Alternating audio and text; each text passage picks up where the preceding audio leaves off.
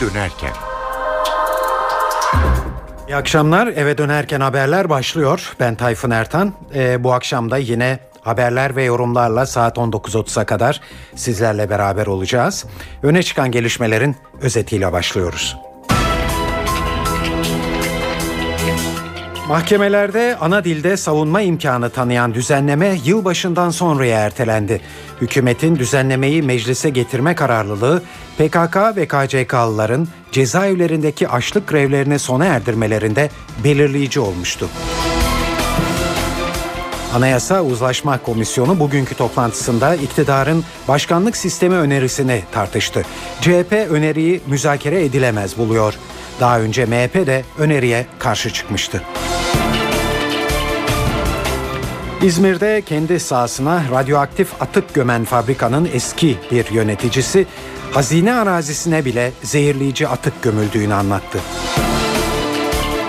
Ve Marx, Lenin, Mahir Çayan, Nazım Hikmet, Said Nursi gibi pek çok ismin kitaplarına yıllardır uygulanan yasak kalktı. Bu yazarların hiçbiri hayatta değil.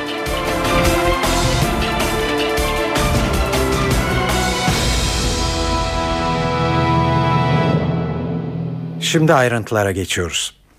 Evet yakın zamana kadar gündemin en sıcak maddelerinden biri mahkemelerde ana dilde savunma imkanı tanıyan düzenleme konusuydu. Ve şimdi bu düzenleme yılbaşından sonraya ertelenmiş durumda. Hatırlayacaksınız geçtiğimiz haftalarda yüzlerce KCK ve PKK tutuklusunun açlık grevlerini bitirmek için öne sürdüğü şartlardan biri de ana dilde savunma düzenlemesiydi. Hükümet bu konuda mecliste bir adım atmış ve konuyu Adalet Komisyonu'na sevk etmişti. Hükümetin bu konuda bir düzenleme yapmaya niyetli olması açlık grevinin sona erdirilmesinin yolunu aralamıştı. Ancak şimdi bu düzenlemenin ertelendiği anlaşılıyor.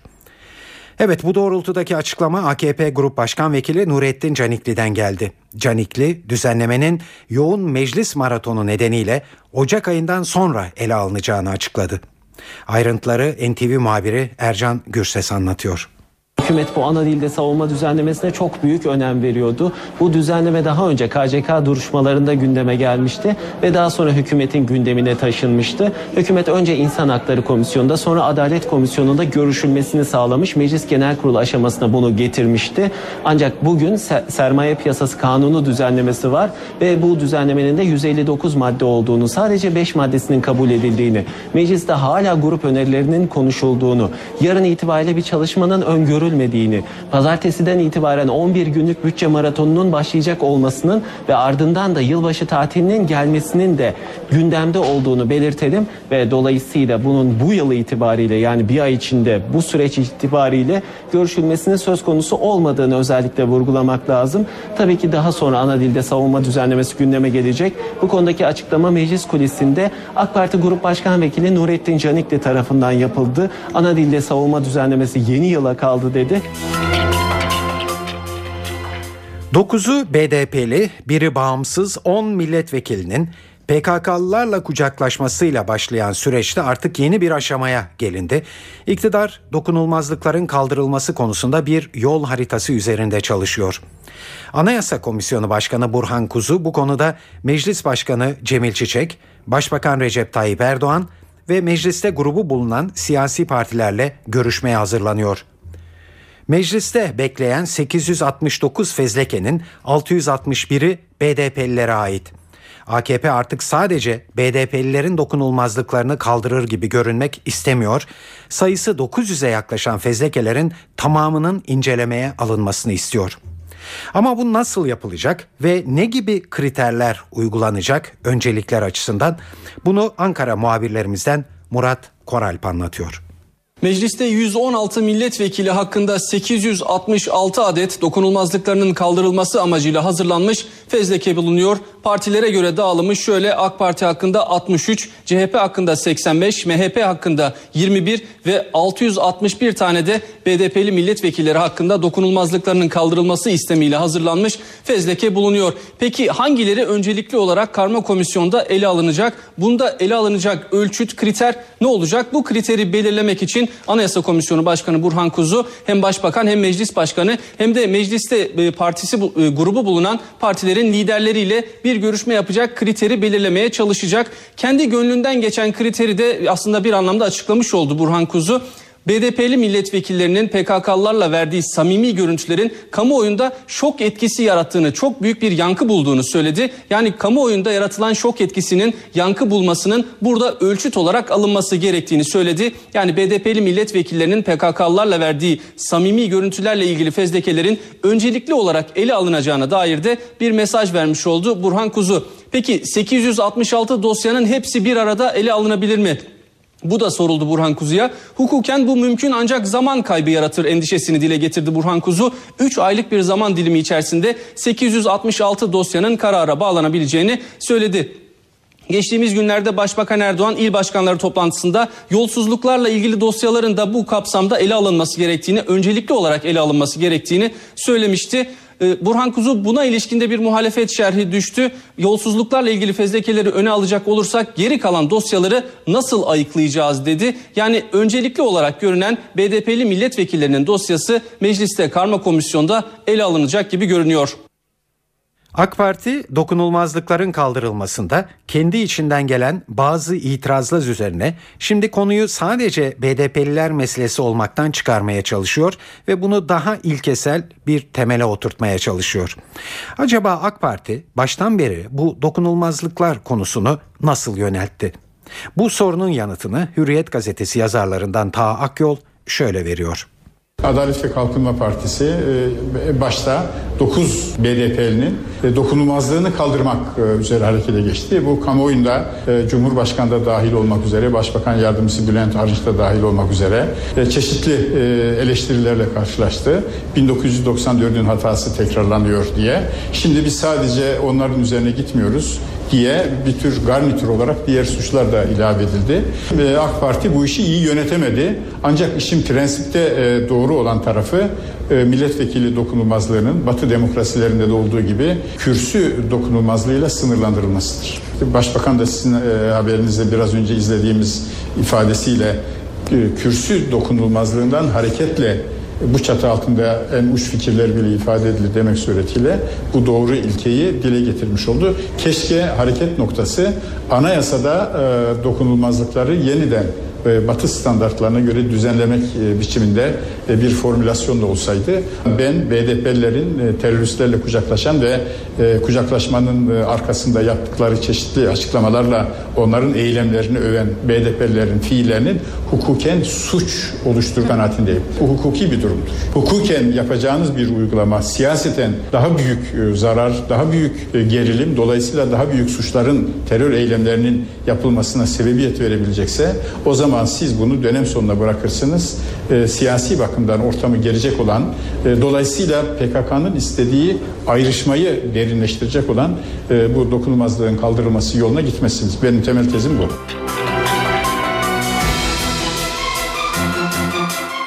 Anayasa Uzlaşma Komisyonu bugünkü toplantısında iktidarın başkanlık sistemi önerisini tartıştı.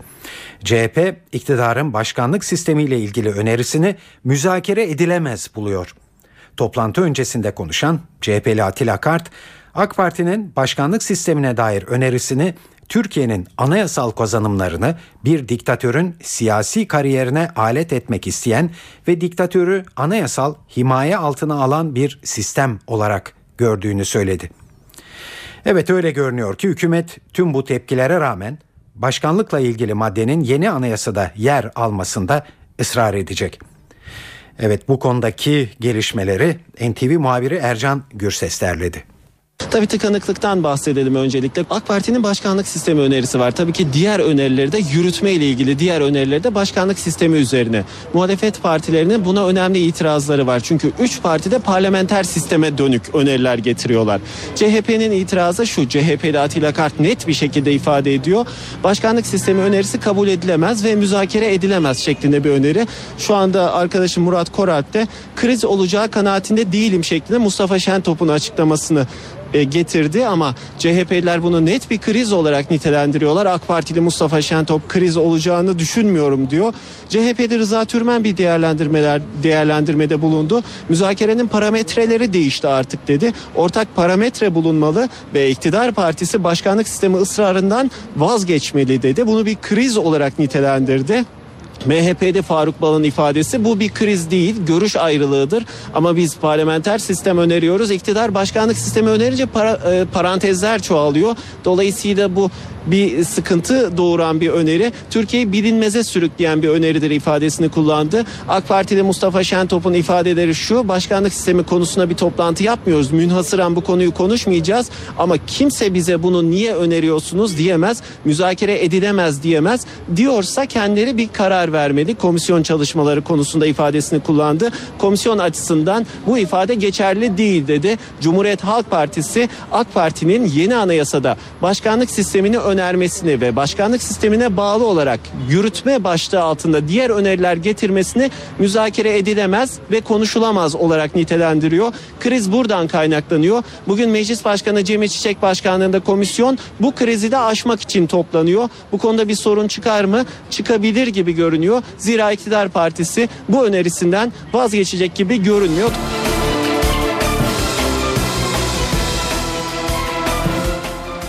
İzmir'de radyoaktif atıkları kendi sahasında toprağa gömen fabrikada yapılan incelemeye göre bölgedeki radyasyon seviyesi çevrede yaşayan halkın sağlığını tehdit edici boyutta değil. Ancak fabrikanın eski üst düzey yöneticilerinden birinin söyledikleri hala korkuları arttırıyor. Hazine arazisine bile radyoaktif atık gömüldüğünü anlatan bu eski yönetici 100 bin ton zehir gömüldüğünü ileri sürüyor. Bu konuyla ilgili bilgileri NTV Ege temsilcisi Meri Ak'tan alıyoruz. İzmir Gaziemir ilçesinde bir kurşun fabrikasında radyoaktif atık iddiasıyla İzmir'de başlayan tartışma sürüyor. Dün e, Türkiye Atom Enerjisi Kurumu'ndan bir grup gelmişti. Önceki gün daha doğrusu onların hazırlamış olduğu rapor dün yayınlandı. Raporda insan sağlığını tehdit edecek boyutta bir radyoaktif ya da radyasyona rastlanmadı. Ancak uzmanların verdiği bilgiyle rapor, raporda bir gerçek var. O da kimyasal tehlikeye dikkat çekildi ki bölgede yaşayan e, vatandaşların birçoğu nefes darlığı çekiyor ve e, birçok e, olumsuzluklar yaşadıklarını dile getiriyorlardı ki ki havada da çamaşır suyu kokusunun olduğunu biz de önceki gün gittiğimiz de e, saptamış. Biz de buna tanık etmiştik. E, bazı yerlerden de dumanlar çıktığını gözlemlemiştik. İşte TEAK yetkilileri e, burada kimyasal bir inceleme yapılması gerektiğini, radyoaktif bir olay olmadığını dile getirmişlerdi. Bu gelişmeler, bu tartışmalar devam ederken bugün Çevre Mühendisleri Odası'ndan bir açıklama geldi. Çevre Mühendisleri Odası yaptığı açıklamada bölgenin çok iyi bir şekilde incelenmesi gerektiği vurgulandı ve Atom Enerjisi Kurumu'nun vermiş olduğu rapora sorularla yanıt verdi. Rapora göre az önce söyledim radyasyon halkın sağlığını edecek boyutta değil ancak rapor kamuoyu tarafından da yeterli görülmüyor. İzmirliler yeterli görmüyor. Çevre Mühendisleri Odası da düzenlediği basın toplantısıyla Atom Enerjisi Kurumu'nun ve yetkililerinin e, bu konuya e, eğilmesini 2007 yılında fabrikada yaptıkları incelemenin ardından fabrikaya ceza kestiklerini anımsattılar ve bu konuda bölgede geniş e, kapsamlı bir araştırma yapılmasını istiyorlar. Bundan sonraki süreçte e, bu araştırmanın olup olmayacağını hep birlikte göreceğiz ancak bölgede kimyasal bir tehditin olduğunu vurgulamamızda yarar var ve e, bölge etrafının da tel örgülerle daha emniyetli bir şekilde çevrilmesi gerektiği de TEAK yetkilileri tarafından açıklandı. Evet, bizi arada dinlemeye başladıysanız size günün öne çıkan gelişmesini hızla özetleyeyim. Mahkemelerde ana dilde savunma imkanı tanıyan düzenleme yılbaşından sonraya ertelendi. Hükümetin düzenlemeyi meclise getirme kararlılığı PKK ve KCK'lıların cezaevlerindeki açlık grevlerini sona erdirmelerinde belirleyici olmuştu. Evet yayınımızı şimdi e, İstanbul'daki yol durumunu öğrenerek sürdürelim. Yağmur var İstanbul'da ve trafik pek iyi görünmüyor. Ayrıntıları Büyükşehir Belediyesi Trafik Kontrol Merkezi'nden Murat Kazanasmas'tan öğreniyoruz. Mutlu akşamlar. Yağışın da etkisiyle İstanbul trafiğinde yoğunluk hem Anadolu yakasında hem de Avrupa yakası şehir içi trafiğinde etkili olmaya başladı. Çamlıca trafiği Altunizade yönünde yoğunluk devam etmiyor bu nokta açık ama Altunizade ve sonrasında köprüye doğru yaklaştıkça yoğunluk artıyor. Yine köprü çıkış noktasıyla Altunizade Çamlıca istikametinde yoğunluk başladı. Fatih Sultan Mehmet Köprüsü'nde Ümraniye'de köprü yönünde pek yoğunluk göze çarpmasa da ters yöne baktığımızda Ümraniye geliş noktasıyla Ataşehir yönündeki yoğunluk artıyor. Avrupa yakasından Anadolu yakasına geçişte Boğaziçi Köprüsü'nün girişindeki yoğunluk artıyor. Yıldız katılımında şu anda hareketli köprü üzerine kadar devam etse de köprü üzerinde yoğunlaşan trafik etkili. Mecidiyeköy'de Çağlayan istikametinde boş bir trafik var ama ters yönde dikkat edecek olursak köprüye doğru yaklaştıkça duran bir trafik söz konusu. Çağlayan'da hem Ok Meydanı istikametinde hem de ters yönde köprü istikametine yoğunluk artmış vaziyette Mecidiyeköy girişlerden dolayı yan yoldaki yoğunluk da arttı şu an için. Avrupa yakasında hem Cevizli Bağ'da hem de Mertel istikametinde yoğun trafiğin etkili olduğunu söyleyelim. Bu noktada Bakırköy Mertel Haliç arası yoğun trafik etkili olmaya başladı. Akşemsettin Beydiyor. Yarım saat önce bu nokta köprü istikametinde daha açıktı ama Hastal bağlantısıyla birlikte hem Seyrantepe'de hem de Fatih Sultan Mehmet Köprüsü'nde gişeler öncesinde yoğunluk arttı. Ters yönde Fatih Sultan Mehmet Köprüsü'nün çıkış noktasıyla Metris yönündeki hareketlilik devam etmekte. Gültepe'de Levent yönünde Levent'te Maslak istikametinde yoğun trafiğin aralıklı olarak devam ettiğini söyleyebiliriz. Vatan Caddesi'nde Mahmut Bey yönü yoğunlaşıyor. Küçükçekmece'de Florya istikameti hareketli Avcılar yönünde de duran bir trafik oluşmaya başladı. Bu arada yağışın etkisiyle İstanbul genelinde arızalanan araç sayısı oldukça fazla. Özellikle Avcılar, Küçükçekmece, Florya ve ters yönde bu belirgin ölçüde hissediliyor. Kazasız günler, iyi akşamlar. İstanbul Şile'de geçen gün fırtına nedeniyle batan gemi ve onu kurtarmak üzere oraya giden ama kayalıklara çarparak parçalanan kurtarma botundaki toplam 9 kayıp denizciyi arama çalışması hala sürüyor. Çalışmalar helikopter desteğiyle hızlandırıldı bugün. Ancak şu ana kadar yeni bir haber alınmadı. Kurtarma teknesinin batmasıyla ilgili ihmal iddiaları var tabi ve bu konuda da bir soruşturma başlatıldı. Kurtarma botunun kötü hava koşullarına rağmen zorla göreve çıkarıldığı iddiaları bugün Ulaştırma Bakanı Binali Yıldırım'a da soruldu. Bakan şöyle yanıtladı. Yedi kuvvetinde havada denize çıkmayı hiç kimse zorlamadı kaptana, Cemil kaptana. Onun vicdanı, onun denizcilik kültürü ve inancı orada imdat diyen insana bakmayı onuruna yediremedi. Çıktı, hayatını bedel olarak ödedi. İşte bu kadar işine, ülkesine saygısı olan, bağlılığı olan bir ekiple çalışıyoruz biz. Biz arkadaşlarımıza üzülmekle kalmadık. Bir de böyle aslı asları olmayan kafalarda soru işaretleri oluşturan bazı haberleri de maalesef düzeltmekle meşgul olduk. Değerli arkadaşlar denizcilik zor bir iştir.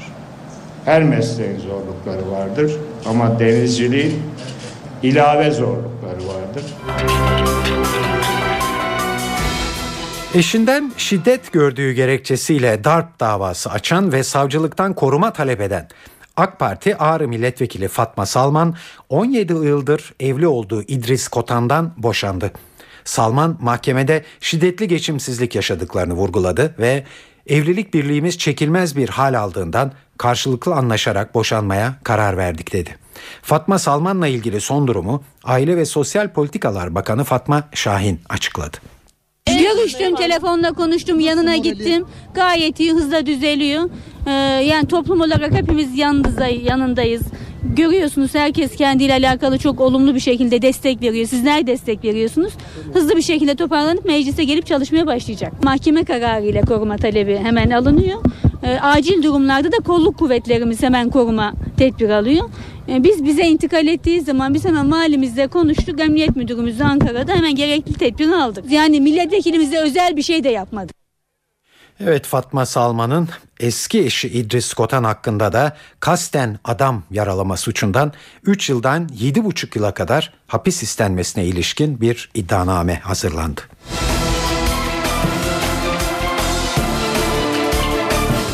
Son zamanlarda Türkiye ile Irak merkezi yönetimi arasındaki gerginlik iyice artarken merkezi yönetimin başbakanı Nuri El Maliki'den altı çizilecek mesajlar geldi. Hürriyet gazetesine konuşan Irak Başbakanı Nuri El Maliki, Türkiye ile iyi ilişkiler kurmak istediğini söyledi ve Başbakan Recep Tayyip Erdoğan'a yönelik dostane ifadeler kullandı. Ancak El Maliki bir de şart koştu. Bir kez daha Türkiye iç işlerimize karışmasın dedi. İkili ilişkilerde gelinen noktanın ne Iraklıları ne de Türkleri mutlu ettiğine dikkat çeken Maliki, bizim de Türkiye'nin iç işlerine karışma şansımız var ama yapmıyoruz. Siz de yapmayın. Her şeye yeniden başlayabiliriz diye konuştu. Maliki Ankara ve Bağdat arasındaki sorunun Türkiye'nin mezhep farklılığını desteklediği için ortaya çıktığını belirtti. Maliki Türk hükümetinin petrol konusundaki anlaşmaları kendilerinden habersiz Kuzey Irak yönetimiyle yapmasına da tepki gösterdi. Kuzey Irak'la Basra ile anlaşma olmaz, Türkiye Kuzey Irak'ı Cumhuriyet gibi görüyor dedi. Irak Başbakanı El Maliki'ye Enerji Bakanı Taner Yıldız'ın uçağına iki gün önce Erbil'e iniş izni verilmemesi de soruldu. Maliki bu soruyu yanıtlarken Enerji Bakanı Kuzey Irak'la anlaşma yapmaya gidiyordu. Uçak için izin alınmış ancak bakan için izin alınmamış. Eğer gelmek isterlerse Türk hükümeti üyelerine Bağdat'ın kapısı her zaman açık, gelin anlaşmayı bizimle yapın diye konuştu. Maliki idam cezası alan eski Cumhurbaşkanı yardımcısı Tarık Haşimi'nin Türkiye'de yaşıyor olmasına da tepkiliydi. Irak Başbakanı ben PKK'yı, onun lideri Abdullah Öcalan'ı Bağdat'ta ağırlasaydım ne olurdu, ne hissederdiniz, bunu Türkiye ve Türk milleti kabul eder miydi diye sordu.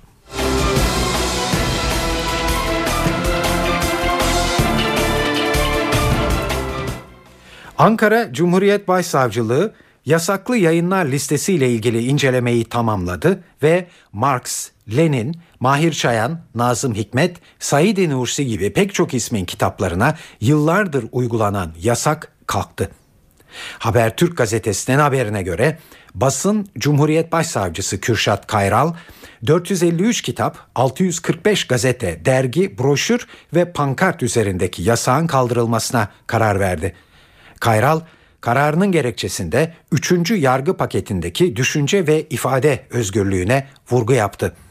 Yasağın kalktığı kitaplar arasında Said Nursi'nin Tarihçeyi Hayat, Marx'ın Komünist Manifestosu, Lenin'in Devlet ve İhtilali, Mahir Çayan'ın Toplu Yazıları, Aziz Nesin'in Aziznamesi, Nazım Hikmet'in bütün eserleri, hatta 1961 tarihli Tom Mix çizgi romanı bile var.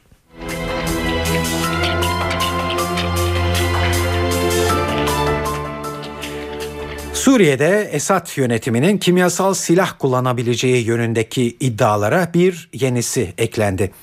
Amerikan NBC kanalı Suriye yönetiminin öldürücü sarin gazını bombalara yüklediğini ileri sürdü. İddiasını Amerikalı yetkililere dayandıran NBC'ye göre sarin gazını içeren bombalar henüz savaş uçaklarına yüklenmiş değil. Suriye ordusu bunun için devlet başkanı Beşar Esad'ın talimatını bekliyor. NBC'ye konuşan Amerikalı yetkililer sarin gazı yüklü bombaların uçaklardan Suriyelilerin üzerine atılabileceğini söyledi. Yetkililer Şam rejiminin sarin gazını kullanmaya karar vermesi halinde dünyanın yapabileceği fazla bir şey olmadığını da belirttiler. Amerikan CNN televizyonu da Suriye yönetiminin sınırlı bir şekilde olsa da sarin gazını ilerlemekte olan muhaliflere karşı kullanabileceğini ileri sürdü. CNN televizyonu Türk, İsrail, Ürdün ve Lübnan istihbaratlarının bundan sonra atılacak adımları belirlemek için Amerikalı istihbaratçılarla temasta olduğunu da duyurdu. Suriye yönetimi kimyasal silahlarla ilgili iddialar ilk ortaya atıldığı zaman kendi halkına karşı asla kimyasal silah kullanmayacağını açıklamıştı.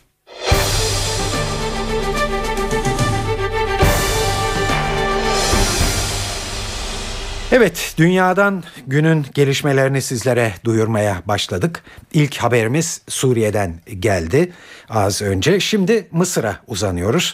Mısır'da Cumhurbaşkanı Muhammed Mursi'nin yetkilerini arttıran kararnameyi yayınlamasıyla başlayan gerilim artık iyiden iyiye sokağa yansımış durumda. Dün Mursi yandaşlarıyla karşıtları arasında çıkan çatışmalarda 5 kişi öldü, yüzlerce kişi de yaralandı. Çatışmalar Kahire'de Cumhurbaşkanlığı Sarayı yakınında meydana geldi ve bugün de devam etti. Ayrıntıları NTV Kahire muhabiri Nuran Milli'den alıyoruz. Sarayının önü ve e, çevresindeki e, sokaklarda karşı karşıya gelen Mursi yanlıları ve karşıtları arasında şiddetli çatışmalar yaşandı. Birbirlerine molotof kokteyli, havai fişek ve taş attığı e, atan gösterilerde, atılan gösterilerde silah ve saçma da kullanıldığı söyleniyor.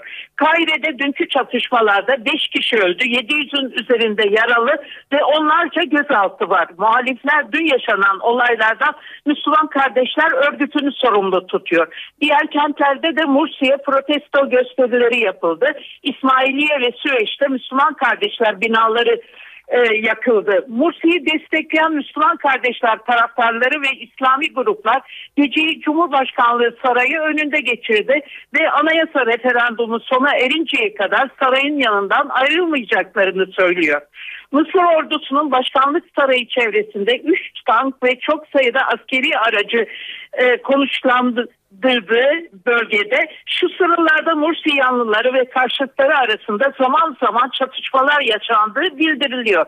Yo- yoğun çalış- e, çatışmalardan sonra Müslüman kardeşlerin Tahrir Meydanı'nda yıktığı çadırları yeniden kuran muhalifler odur- oturma eylemlerini sürdürürken muhalifler ayrıca Kahire'nin 3 semtinden e, dünkü olayları protesto etmek amacıyla ikindi namazından sonra Cumhurbaşkanlığı sarayına yürüyüşe geçecek. Mursi destekçilerinin de Tahrir Meydanı'na doğru yürüyüş yapacağı da gelen haberler arasında. Askeri yönetimin devreye girmesi için çağrı yapan Mısırlı Kıptiler Birliği, Cumhurbaşkanı Mursi'nin meşruiyetini kaybettiğini ileri sürdü. Mursi'nin danışma heyetinden yaşanan kriz nedeniyle dün 4, daha önce de 3 kişi istifa etmişti. Cumhurbaşkanı Muhammed Mursi'nin ise bugün televizyondan halka hitap edeceği bildirildi. Son bir not Mısır borsasının sabah seansında büyük bir düşüş yaşandı.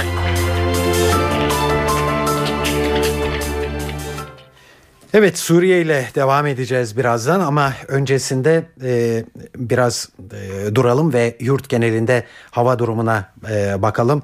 Anladığım kadarıyla e, bütün Türkiye genelinde kuvvetli yağış var. En iyisi en yetkili yerden öğrenmek. NTV Meteoroloji Editörü Gökhan Abur anlatıyor. İyi akşamlar. Yarın Trakya, cumartesi günü ise batı ve iç kesimlerde sıcaklıklar daha da azalacak ama pazar günü kuvvetlenecek Lodos, Ege'den başlayarak sıcaklıkları yeniden yükseltecek. Yarın doğu ve güneydoğuda daha kuvvetli olmak üzere yurt genelinde yağış var. Yağışlar iç ve doğu kesimlerde yine kar ve karla karışık yağmur şeklinde olacak. Yağışların Hatay, Şanlıurfa, Diyarbakır, Muş, Bitlis ve Vanakkar arasında çok daha kuvvetli olmasını bekliyoruz. Cumartesi günü batıda yağış etkisini kaybederken doğuda yer yer kuvvetli olmak üzere devam edecek. Pazar günü ise batı bölgeler fırtına boyutlarına çıkacak Lodos'la birlikte yeniden kuvvetli yağışların etkisi altına girecek. Evet İstanbul'da hava soğuk. Özellikle İstanbul'da yağmur bu gece yine kuvvetlenecek. Yarın aralıklarla yağış etkisini sürdürecek ve sıcaklık en fazla 5 derece olacak. Ankara'da yarın karla karışık yağmur bekliyoruz. Sıcaklık en fazla 7 dereceye kadar çıkacak. İzmir'de yağmur yarın öğlene kadar kuvvetli olarak etkisini sürdürecek. Sıcaklık ise oldukça düşük ve 9 derece civarında olacak. Cumartesi günü yağmur beklemiyoruz ama pazar günü İzmir başta olmak üzere Ege'nin tümüne kuvvetli sağanaklar gelecek ki bunlar yer yer su baskınlarına sebep olabilir. Saat 18.40 NTV Radyo'da eve dönerken haberlere devam ediyoruz. Ve İstanbul'daki yol durumuna bir kez daha göz atacağız. Çünkü koşullar hayli zorlu. Dolayısıyla sizlere belki biraz yardımcı olabiliriz. Murat Kazan Asması dinliyoruz. Mutlu akşamlar. Yağışın etkisiyle İstanbul trafiğinde yoğunluk hem Anadolu yakasında hem de Avrupa yakası şehir içi trafiğinde etkili olmaya başladı. Çamlıca trafiği Altunizade yönünde yoğunluk devam etmiyor bu nokta açık ama Altunizade ve sonrasında köprüye doğru yaklaştıkça yoğunluk artıyor. Yine köprü çıkış noktasıyla Altunizade Çamlıca istikametinde yoğunluk başladı. Fatih Sultan Mehmet Köprüsü'nde Ümraniye'de köprü yönünde pek yoğunluk göze çarpmasa da ters yöne baktığımızda Ümraniye geliş noktasıyla Ataşehir yönündeki yoğunluk artıyor. Avrupa yakasından Anadolu yakasına geçişte Boğaziçi Köprüsü'nün girişindeki yoğunluk artıyor. Yıldız katılımında şu anda hareketli köprü üzerine kadar devam etse de köprü üzerinde yoğunlaşan trafik etkili. Mecidiyeköy'de Çağlayan istikametinde boş bir trafik var ama ters yönde dikkat edecek olursak köprüye doğru yaklaştıkça duran bir trafik söz konusu. Çağlayan'da hem Ok Meydanı istikametinde hem de ters yönde köprü istikametine yoğunluk artmış vaziyette Mecidiyeköy girişlerden dolayı yan yoldaki yoğunluk da arttı şu an için. Avrupa yakasında hem Cevizli Bağ'da hem de Mertel istikametinde yoğun trafiğin etkili olduğunu söyleyelim. Bu noktada Bakırköy Mertel Haliç arası yoğun trafik etkili olmaya başladı. Akşemsettin Beydiyor. Yarım saat önce bu nokta köprü istikametinde daha açıktı ama hastal bağlantısıyla birlikte hem Seyrantepe'de hem de Fatih Sultan Mehmet Köprüsü'nde gişeler öncesinde yoğunluk arttı. Ters yönde Fatih Sultan Mehmet Köprüsü'nün çıkış noktasıyla Metris yönündeki hareketlilik devam etmekte. Gültepe'de Levent yönünde Levent'te Maslak istikametinde yoğun trafiğin aralıklı olarak devam ettiğini söyleyebiliriz. Vatan Caddesi'nde Mahmut Bey yönü yoğunlaşıyor. Küçükçekmece'de Florya istikameti hareketli Avcılar yönünde de duran bir trafik oluşmaya başladı. Bu arada yağışın etkisiyle İstanbul genelinde arızalanan araç sayısı oldukça fazla. Özellikle Avcılar, Küçükçekmece, Florya ve ters yönde bu belirgin ölçüde hissediliyor. Kazasız günler, iyi akşamlar. Evet, dünya haberleriyle başla, e, devam ediyorduk. Bültenimize öyle sürdürelim. Suriye'de muhaliflerle Esad güçleri arasında başkent Şam'ın çevresinde yoğun çatışmalar yaşanıyor. Dün Esad birliklerinin Şam'ın banliyölerine düzenlediği hava saldırılarında 16 kişi hayatını kaybetti. Şam havaalanı yakınlarında da çatışmaların devam ettiği yönünde haberler var. Çatışmaların sürdüğü bir başka kent ise Halep. Taraflar aylardır burada birbirlerine karşı üstünlük sağlayamıyor. Suriye'deki krize çözüm bulma çabaları da sürüyor bir yandan. Amerikan Dışişleri Bakanı Hillary Clinton, Rusya Dışişleri Bakanı Sergey Lavrov ve Birleşmiş Milletler'in Suriye özel temsilcisi Lehter Brahimi İrlanda'nın başkenti Dublin'de bugün bir araya geldiler. Toplantıda Suriye'de şiddetin durması ve geçiş süreci için nasıl bir yol izlenmesi gerektiği ele alındı. Filipinleri vuran Bofa tayfununun neden olduğu yıkımda bilanço artıyor. Ölü sayısı 500'e yaklaştı. 400 kişi de kayıp. Ancak yine de tayfunda mucizeler de yaşanmıyor değil. Kurtarma ekipleri 3 yaşındaki bir çocuğu çamur altından 24 saat sonra canlı çıkarmayı başardılar. Bölgede tabii iletişim ağları çökmüş durumda. Elektrik de yok. Kurtarma ekipleri karadan ulaşamadıkları bölgelere helikopterlerle gitmeye çalışıyor. Evlerini terk eden yaklaşık 200 bin kişi de oluşturulan barınaklarda yaşam savaşı veriyor. Yetkililer afetzedelere gıda, su ve kıyafet yardımı yapmaya çalışıyor. Filipinler'de geçen yılda Vashi tayfunu Mindanao adasını vurmuş ve 1500 kişi hayatını kaybetmişti. Hamas lideri Halid Meşal yarın Gazze'ye gidiyor. 2004'te liderliği devralan Meşal, sürgün hayatının ardından ilk kez Gazze'ye gidecek. Geçtiğimiz ay İsrail'le sağlanan ateşkeste İsrail'in Filistin liderlerine suikast düzenlemeyeceği garantisi vermesi Meşal'e Gazze yolunu açtı. Gazze sokakları Filistin ve Hamas bayraklarıyla donatılmış durumda. Halit Meşal'in konuşma yapması beklenen meydanda da hummalı bir hazırlık devam ediyor. Gazze'liler Halit Meşal'in ziyaretinin El Fetih ile Hamas arasında birleşmenin sağlanması adına önemli bir şans olarak görüyor. Halit Meşal çok uzun süre sonra topraklarına dönüyor. Tarihi bir ziyaret olacak ve tarihi anlar yaşanacak. Umarım bu geliş bir uzlaşmayla veya birliğin sağlanmasıyla noktalanır. 1956 yılında Ramallah yakınlarındaki bir kasabada doğan Meşal, Okul yıllarında Filistin hareketine katılmış, 2004'te de Hamas'ın kurucuları Abdülaziz El Rantisi ve Şeyh Ahmet Yasin'in suikaste kurban gitmesinin ardından liderliği devralmıştı. İsrail Meşal'i 1997 yılında Ürdün'de zehirli bir iğneyle öldürmeye çalışmıştı. Ancak dönemin Ürdün kralı Hüseyin İsrail hükümetine panzehirin kendilerine ulaştırılmaması durumunda İsrail ajanlarını idam edeceğini iletince İsrail geri adım atmış ve Meşal de ölümden dönmüştü.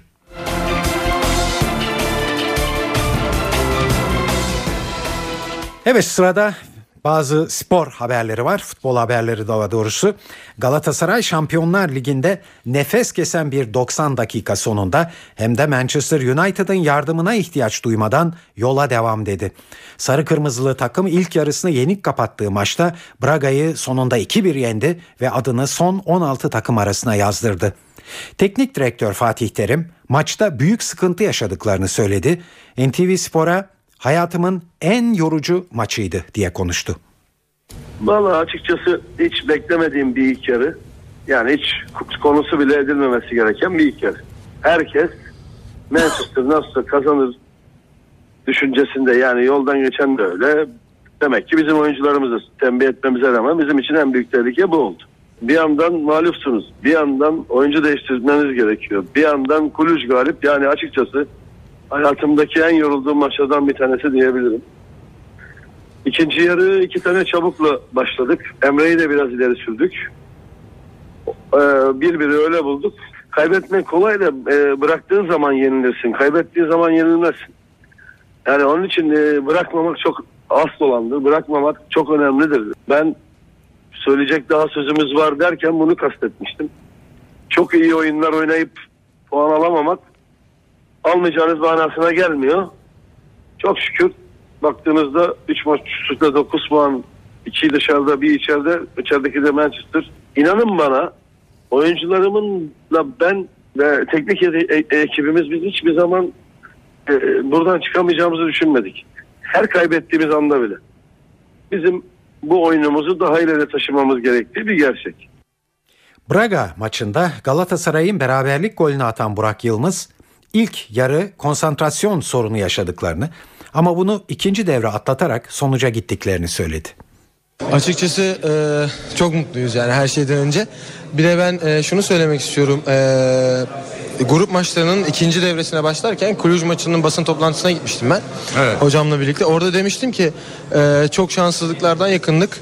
E, bundan sonraki bütün maçlardaki bütün puanları almamız gerektiğini biliyoruz ve alacağız demiştim. Ee, ben bunu söylerken boşuna değil hem takım arkadaşlarıma hem hocama hem camiamıza güvenerek söylemiştim. Allah'a şükürler olsun ki hiçbirimiz hiçbirimizin güvenini boşa çıkarmadık ve bütün puanları aldık. Ben bütün camiamıza takım arkadaşlarımı yürekten kutluyorum. Aydın Yılmaz ise galibiyet golünü atmanın ayrı bir mutluluk verdiğini söyledi. Bu maç bu akşam bizim için çok önemliydi. Bütün öncelikle bütün takım arkadaşlarımı canı gönülden kutluyorum. Çok iyi bir mücadele verdik burada. Ee, buradan galip ayrılmak zorundaydık. Ne kadar maç öncesinde avantajlı bir durumda olsaydık da galibiyetin bize yeteceğini biliyorduk. Gol attığım için de ayrıca çok mutluyum. Gerçekten e, Galatasaray tarihinden önemli bir yere e, geçtik. Evet Avrupa Futbol Arenası'ndaki bir diğer temsilcimiz Fenerbahçe UEFA Avrupa Ligi C grubundaki son maçında bugün Borussia Mönchengladbach'la karşılaşacak. Grup liderliğini garantilemiş olan Sarı Lacivertli takım galibiyet halinde 16 puana ulaşacak ve bir Türk takımının grup aşamasında topladığı en yüksek puana ulaşmış olacak. Ve önemli bir hatırlatma Şükrü Saracoğlu stadındaki mücadele saat 20'de başlayacak. Star TV'den izleyebilir ve NTV Radyo'dan naklen dinleyebilirsiniz. Şimdi maç öncesi son durumu NTV Spor muhabirlerinden Aykut Yıldırım'dan öğreniyoruz. Fenerbahçe UEFA Avrupa Ligi C grubunda 13 puanla zirvede yer alıyor ve Sarı Lacivertler gruptan çıkmayı geçen hafta Marsilya'yı 1-0 yenerek garantilemişti. Rakip Borussia Mönchengladbach'ın da 8 puanı var. Mönchengladbach da grup ikinciliğini garantiledi. Her iki takım da bugün formalite e, maçına çıkacak diyebiliriz. E, bir prestij maçı olacak ayrıca Fenerbahçe için. Sarı Lacivertler bugün kazanırsa 16 puana ulaşacak, ulaşacak ve gruplarda ilk kez bir Türk takımı 16 puana ulaşmış olacak ve böylece Fenerbahçe bu anlamda bir rekor kırmış olacak. Sezer Öztürk UEFA Avrupa Ligi kadrosunda yok. E, bu yüzden kadroya da e, ismini göremeyeceğiz. Sezer'in ayrıca Salih Uçan U19 milli takımında Aykut Kocaman'ın e, bu akşam son dönemde daha az forma şansı bulan oyunculara forma vermesini bekliyoruz. E, aynen Mönchengladbach'ta e, yedek ağırlıklı bir kadroyla bugün sahada olacağını belirtelim. Evet Fenerbahçe Teknik Direktörü Aykut Kocaman UEFA Avrupa Ligi'nde gruptan çıkmayı garantilemelerine rağmen bugünkü Mönchengladbach maçını kazanmak için de ellerinden geleni yapacaklarını söylüyor. Hem biz hem de rakibimiz Mönchengladbach takımı e, pozisyonlarının değişmeyeceği ancak futbolun olduğu her yerde olduğu gibi ve aynı zamanda buna çok köklü bir kulüp olan Mönchengladbach için de söyleyebilirim. Kendi adımıza Fenerbahçe için de söyleyebilirim. Futbolun ve Fenerbahçe'nin olduğu her yerde olduğu gibi yine son derece iddialı, kıyasıya bir karşılaşma için, kazanmak için sahaya çıkacaklar. Fenerbahçe takımının kadrosunda 23 tane yakın kalitede oyuncu var. Buradan çıkan her 11 Fenerbahçe'nin ideal kadrosudur. İdeal kadromuzda Mönchengladbach'la oynayacak. Onları yenmek için sahaya çıkacak. İdeal kadromuzda sahada olacağız. Ve futbol severlere bir not. Şampiyonlar Ligi'nde ve de UEFA Avrupa Ligi'nde Fenerbahçe ve Galatasaray'ın ikinci, ikinci tur rakiplerini belirleyecek olan kurallar 20 Aralık'ta yani tam iki hafta sonra İsviçre'nin Nyon kentinde çekilecek. Şimdi İspanya'da oynayan Emre Belözoğlu hakkında Trabzonsporlu futbolcu Zokora'ya ırkçı söylemde bulunduğu iddiasıyla 2 yıla kadar hapis istendi. 15 Nisan 2012 tarihinde Spor Toto Süper Final Şampiyonluk grubu maçında Emre Belözoğlu ile Trabzonspor futbolcusu Didier Zokoro arasında bir tartışma yaşandı. Maç bitiminde Zokoro bu tartışma sırasında Emre'nin kendisine ırkçı sözler sarf ettiğini iddia etti. Kadıköy Cumhuriyet Başsavcılığı'nın hazırladığı iddianamede Futbol Federasyonu'nun Emre Belözoğlu'na bu olay nedeniyle iki maç ceza verdiği belirtiliyor ve sporda şiddet ve düzensizliğin önlenmesine dair kanun kapsamında iki yıla kadar da hapsi isteniyor. Saat 18.53 günün öne çıkan gelişmesini sizlere hızla özetleyerek tamamlayalım bu bölümümüzde. Mahkemelerde ana dilde savunma imkanı tanıyan düzenleme yılbaşından sonraya ertelendi. Hükümetin düzenlemeyi meclise getirme kararlılığı PKK ve KCK'lıların cezaevlerindeki açlık grevlerini sona erdirmelerinde belirleyici olmuştu. Mahkemelerde ana dilde savunma imkanı tanıyan düzenleme yılbaşından sonraya ertelendi. Hükümetin düzenlemeyi meclise getirme kararlılığı PKK ve KCK'lıların cezaevlerindeki açlık grevlerini sona erdirmelerinde belirleyici olmuştu. İzmir'de kendi sahasına radyoaktif atık gömen fabrikanın eski yöneticisi hazine arazisine bile zehirleyici atık gömdüklerini anlattı. Ve Uluslararası Otomobil Federasyonu FIA'nın genel kurulunda 2013 Formula 1 takvimine İstanbul'un eklenmesi ihtimali kuvvetlendi.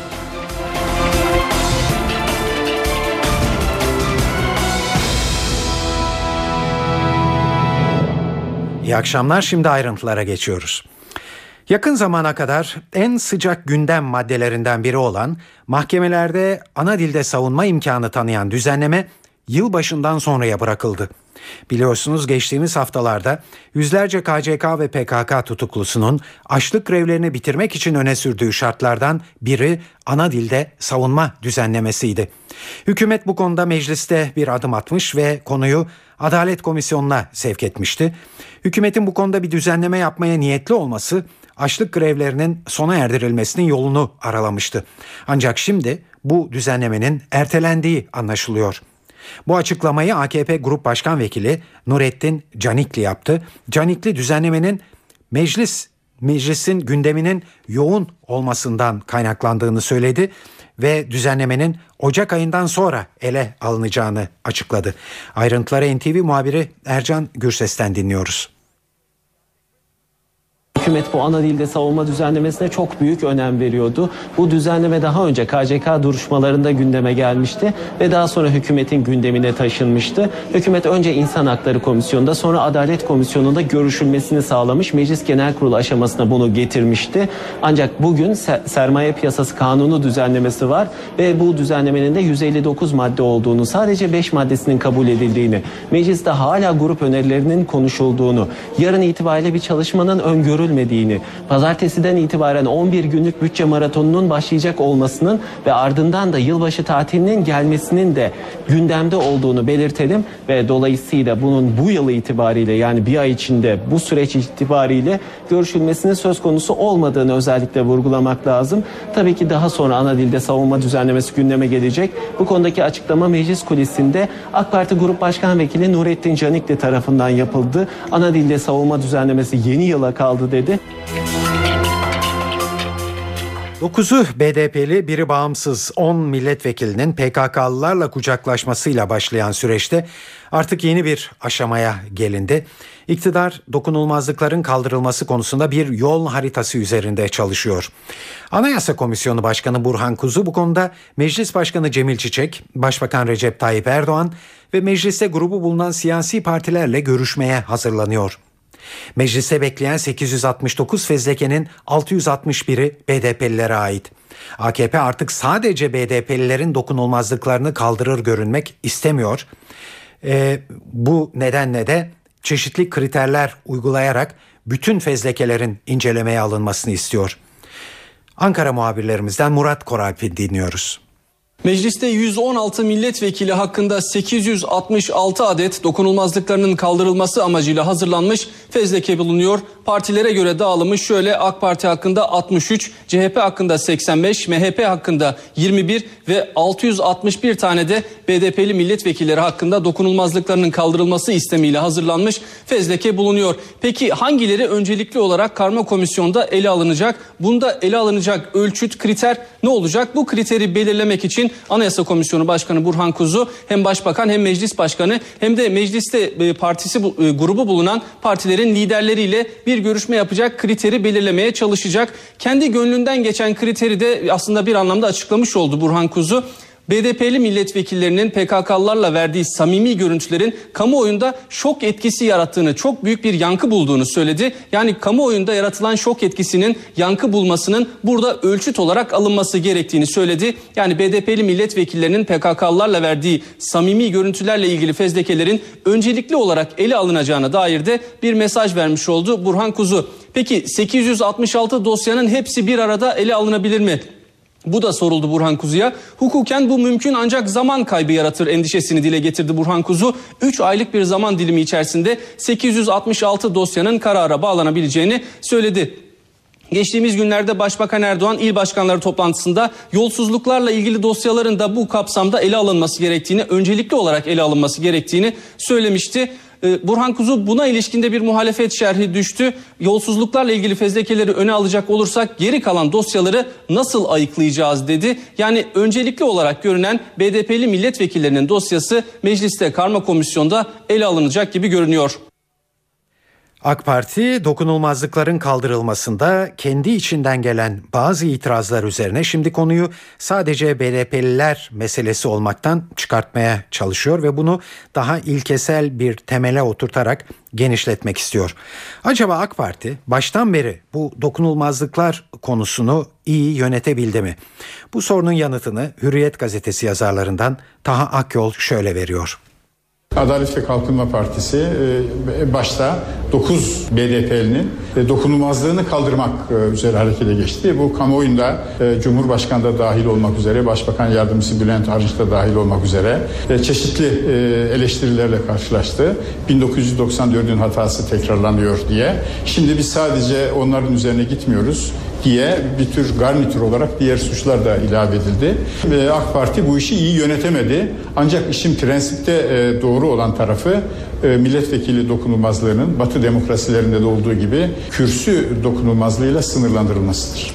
Başbakan da sizin e, haberinizde biraz önce izlediğimiz ifadesiyle kürsü dokunulmazlığından hareketle bu çatı altında en uç fikirler bile ifade edilir demek suretiyle bu doğru ilkeyi dile getirmiş oldu. Keşke hareket noktası anayasada e, dokunulmazlıkları yeniden Batı standartlarına göre düzenlemek e, biçiminde e, bir formülasyonla olsaydı ben BDP'lerin teröristlerle kucaklaşan ve kucaklaşmanın arkasında yaptıkları çeşitli açıklamalarla onların eylemlerini öven BDP'lerin fiillerinin hukuken suç oluştur kanaatindeyim. Bu hukuki bir durumdur. Hukuken yapacağınız bir uygulama siyaseten daha büyük zarar, daha büyük gerilim dolayısıyla daha büyük suçların terör eylemlerinin yapılmasına sebebiyet verebilecekse o zaman zaman siz bunu dönem sonuna bırakırsınız.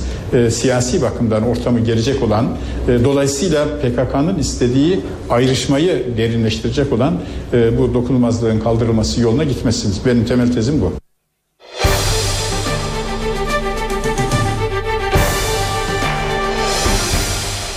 İzmir'de radyoaktif atıkları kendi sahasında toprağa gömen fabrikada yapılan incelemeye göre bölgedeki radyasyon seviyesi çevrede yaşayan halkın sağlığını tehdit edici boyutta değil. Ancak fabrikanın eski üst düzey bir yöneticisinin söyledikleri korkuları yine de arttırdı. Hazine arazisine bile radyoaktif atık gömüldüğünü anlatan eski yönetici 100 bin ton zehir gömüldüğünü iddia ediyor. NTV Ege temsilcisi Mary Akı dinliyoruz. İzmir Gaziemir ilçesinde bir kurşun fabrikasında radyoaktif atık iddiasıyla İzmir'de başlayan tartışma sürüyor. Dün e, Türkiye Atom Enerjisi Kurumu'ndan bir grup gelmişti. Önceki gün daha doğrusu onların hazırlamış olduğu rapor dün yayınlandı. Raporda insan sağlığını tehdit edecek boyutta bir radyoaktif ya da radyasyona rastlanmadı. Ancak uzmanların verdiği bilgiyle rapor, raporda bir gerçek var. O da kimyasal tehlikeye dikkat çekildi ki bölgede yaşayan e, vatandaşların birçoğu nefes darlığı çekiyor ve e, birçok e, olumsuzluklar yaşadıklarını dile getiriyorlardı ki ki havada da çamaşır suyu kokusunun olduğunu biz de önceki gün gittiğimizde e, saptamış biz de buna tanık etmiştik.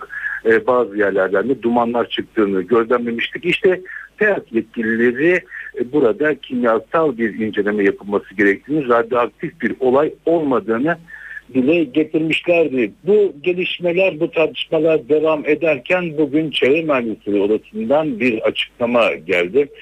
Çevre Mühendisleri Odası yaptığı açıklamada bölgenin çok iyi bir şekilde incelenmesi gerektiği vurgulandı ve Atom Enerjisi Kurumu'nun vermiş olduğu rapora sorularla yanıt verdi. Rapora göre az önce söyledim radyasyon oranı halkın sağlığı edecek boyutta değil ancak rapor kamuoyu tarafından da yeterli görünmüyor. İzmirliler yeterli görmüyor. Çevre Mühendisi Odası da düzenlediği basın toplantısıyla Atom Enerjisi Kurumu'nun ve yetkililerinin e, bu konuya e, eğilmesini 2007 yılında fabrikada yaptıkları incelemenin ardından fabrikaya ceza kestiklerini anımsattılar ve bu konuda bölgede geniş e, kapsamlı bir araştırma yapılmasını istiyorlar. Bundan sonraki süreçte e, bu araştırmanın olup olmayacağını hep birlikte göreceğiz. Ancak bölgede kimyasal bir tehditin olduğunu vurgulamamızda yarar var ve e, bölge etrafının da tel örgülerle daha emniyetli bir şekilde çevrilmesi gerektiği de TEAK yetkilileri tarafından açıklandı. Uluslararası Otomobil Federasyonu FIA'nın İstanbul'da düzenlenen genel kurulunda çok önemli bir karar çıktı. Genel kurulda 2013 yılı Formula 1 takvimine Avrupa'dan bir yarış daha eklenmesine karar verildi. Ve bu yarış büyük olasılıkla İstanbul Park'ta koşulacak. Bu kararın FIA Genel Kurulu'nun son bulacağı Cuma günü netleşmesi bekleniyor. Formula 1 Başkanı Bernie Ecclestone daha önce Türkiye Grand Prix'sinin takvimden çıkarılan New Jersey'deki yarışın yerini alabileceğinin sinyalini vermişti. Bu durumda İstanbul Park 2 yıl aradan sonra 21 Temmuz'da yeniden yarışlara ev sahipliği yapmaya başlayacak gibi görünüyor. Ekonomik Kalkınma ve İşbirliği Örgütü OECD'nin Avrupa ülkelerinin sağlık politikaları ve sağlık durumlarını inceleyen raporu dikkat çekici bulgular ortaya koydu. Buna göre Türkiye hasta başına düşen doktor ortalamasında Avrupa sıralamasının sonunda geliyor. Türkiye'de son 10 yıldaki artışa rağmen 1000 kişiye sadece 1,7 doktor düşüyor. Ekonomik krizdeki Yunanistan'da ise ilk sırada bu açıdan Yunanistan'da bin kişiye 6,1 doktor düşmekte. Türkiye doktor sayısında çok geri kalsa da Avrupa'da son 10 yılda hastane yatağı sayısını en fazla arttıran ülke ancak bu alanda da nüfusa oranla hala son sırada yer alıyor. Raporda Avrupa ülkelerinde görülen hastalıkların sıralaması da yapılmış. Türkiye Avrupa'da kanserin ve demansın en az görüldüğü ülke olarak dikkat çekiyor. 2011 itibariyle şeker hastalığında Avrupa dördüncüsü olan Türkiye, obezitede de %16,9 ile Avrupa Birliği ortalamasına yakın. Akciğer hastalığı olan KOAH ise Avrupa'da en çok Türkiye'de görülüyor. Raporda bunun dışında da dikkat çeken veriler var. Örneğin alkol tüketiminin Türkiye'de 1980 ve 2010 yılları arasında %17 düştüğü belirtilmekte. Avrupa Birliği üyesi ülkelerde yetişkin bir kişi yılda ortalama 11 litre kadar alkol tüketirken bu miktar Türkiye'de 1,5 litre olarak belirlendi.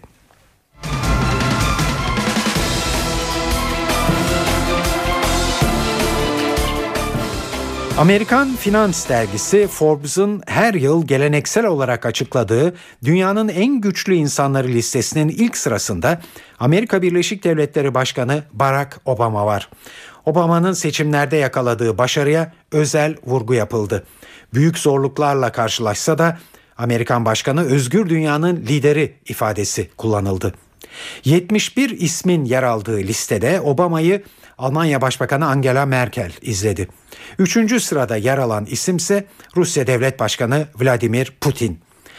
Listede sadece politikacılar yok. Yazılım devi Microsoft'un kurucusu Bill Gates listenin dördüncü, Katolik dünyasının ruhani lideri Papa 16. Benediktus ise 5. sırasında yer aldı. Listenin en genç üyesi Facebook'un 28 yaşındaki kurucusu Mark Zuckerberg. Zuckerberg 25. sıraya yerleşmiş. Birleşmiş Milletler Genel Sekreteri Ban Ki-moon ise 30. Eğer merak ediyorsanız listede Türkiye'den isim yer almıyor.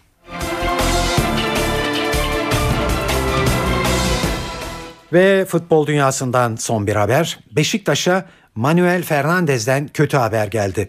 Portekizli Yıldız kıkırdak sakatlığı nedeniyle ilk yarıyı kapattı. Fernandez kupada ve Beşiktaş'ın devre arasına kadar oynayacağı Eskişehir Spor, Gençler Birliği ve Kayserispor maçlarında yer alamayacak.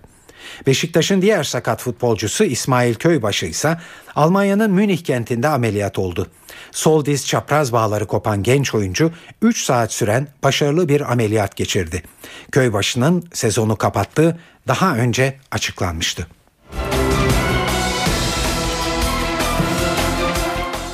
Evet şimdi isterseniz kültür ve sanat faaliyetlerinden derlediğimiz haberlerle devam edelim.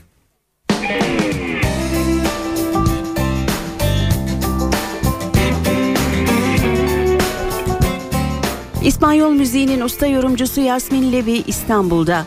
NTV Radyo ve Radyo Voyage'ın desteğiyle gerçekleşecek konseri Suada Club'da saat 21.30'da başlayacak. Ariel Pink ve orkestrası Haunted Graffiti'de Radyo Eksen'in desteğiyle bu akşam Babylon sahnesinde olacak. Bu konser de saat 20'de. Akın Güç Auditoriumu ve Sanat Merkezi'nde ise bugün Türkiye'nin en başarılı neyzenlerinden Burcu Karadağ ve Çelli İstanbul grubunun konseri var. Konser saat 20'de. Eleştirmenlerce klasik müzik semasının yıldızlarından biri diye övülen Avusturyalı genç kemancı Elena Tansky de bugün Akbank Sanat'ta konser veriyor. Bu konserde Tansky'ye piyanist Nicholas Walker eşlik edecek. Bu konserin başlama saati de 20.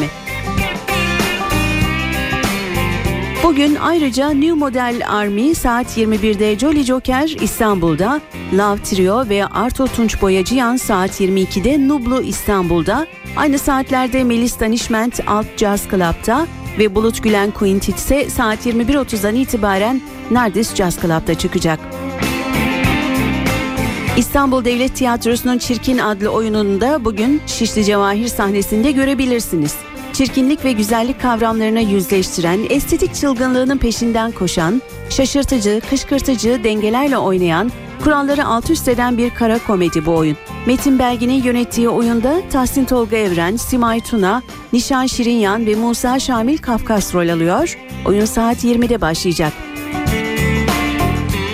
İstanbul Modern'de oyuncu Soti Gui Kuayete'nin filmlerine ev sahipliği yapıyor. Bugün Kuayete'nin Londra Nehri adlı filmi gösterilecek. Sade hikayesi ve politik hassasiyetiyle dikkat çeken filmde 2005 yılında Londra'daki bombalama olaylarından sonra çocuklarını aramak için şehre gelen dul bir İngiliz kadınla Afrikalı bir bahçıvanın öyküsü anlatılıyor. 2009'da Berlin Film Festivali'nde Kuate'ye en iyi erkek oyuncu dalında gümüş ayı getiren Londra Nehri saat 19'dan itibaren İstanbul Modern'de görülebilir. İstanbul dışındakilere de bakalım. Antalya Piyano Festivali bugün Letonyalı ünlü keman sanatçısı ve orkestra şefi Gidon Kremer'le grubunu ağırlıyor. Üçlü konserde Frank ve Tchaikovsky'nin eserlerinin yanı sıra Gidon Kremer'in geçen yıl kaybettiği annesi Marianne Kremer anısına yazılan eseri de seslendirecek. Konser saat 20'de Antalya Kültür Merkezi'nde. Türkiye'nin beğeniyle dinlenen gruplarından Red de Jolly Joker Ankara'da dinleyenleriyle buluşacak bugün. Grup saat 21'den itibaren sahnede olacak. 1996 yılında kurulan, en son 2005 yılının sonunda Hafif Müzik adlı albümüyle hayranlarının karşısına çıkan Vega'da bugün başkentte olacak.